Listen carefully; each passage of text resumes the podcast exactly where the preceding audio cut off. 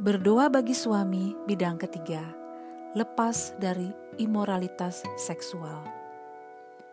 Ayat Alkitab Efesus 5 ayat 3 sampai 5. Tetapi percabulan dan rupa-rupa kecemaran atau keserakahan disebut saja pun jangan di antara kamu, sebagaimana sepatutnya bagi orang-orang kudus. Demikian juga perkataan yang kotor, yang kosong, atau yang sembrono, karena hal-hal ini tidak pantas, tetapi sebaliknya ucapkanlah syukur. 1 Tesalonika 4 ayat 7 Allah memanggil kita bukan untuk melakukan apa yang cemar, melainkan apa yang kudus. Bacaan Alkitab tambahan 2 Samuel pasal 11 sampai 15 dan Mazmur pasal 51. Renungan Setiap pria mengalami pencobaan seksual. Dosa seksual merusak seorang pria secara spiritual, emosional, dan fisik. Sayangnya, banyak pria mudah berdalih mengenai hal ini dengan mengatakan bahwa ia hanya melihat gambar, atau memang begitulah pria diciptakan atau hal itu adalah kebutuhan pria, atau ini biasa karena semua pria melakukan hal yang sama. Daud adalah pria yang jatuh dalam dosa seksual karena apa yang dilihatnya. Yang mengerikan ialah akibat dosa tidak berhenti setelah hari ia berzina.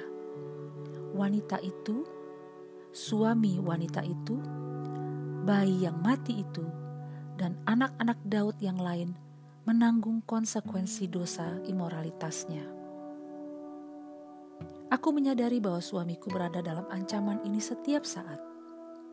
Aku berdoa supaya ia dijauhkan dari berbagai pencobaan, supaya ia berjalan dalam kekudusan Allah, dan supaya ia cepat mengaku dosa dan bertobat jika telah jatuh dalam dosa imoralitas. Doa Bapa, engkau memanggil suamiku bukan untuk melakukan apa yang cemar, melainkan apa yang kudus. Aku memohon, jauhkanlah dia dari percabulan, rupa-rupa kecemaran atau keserakahan, dan suamiku hidup sepatutnya orang kudus.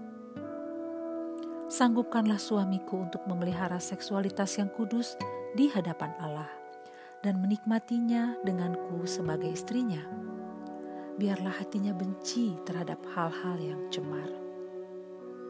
Berikanlah suamiku pertobatan yang sejati dari dosa imoralitas, supaya Allah dapat memulihkan sukacita, kepenuhan, dan kuasa dalam hidupnya.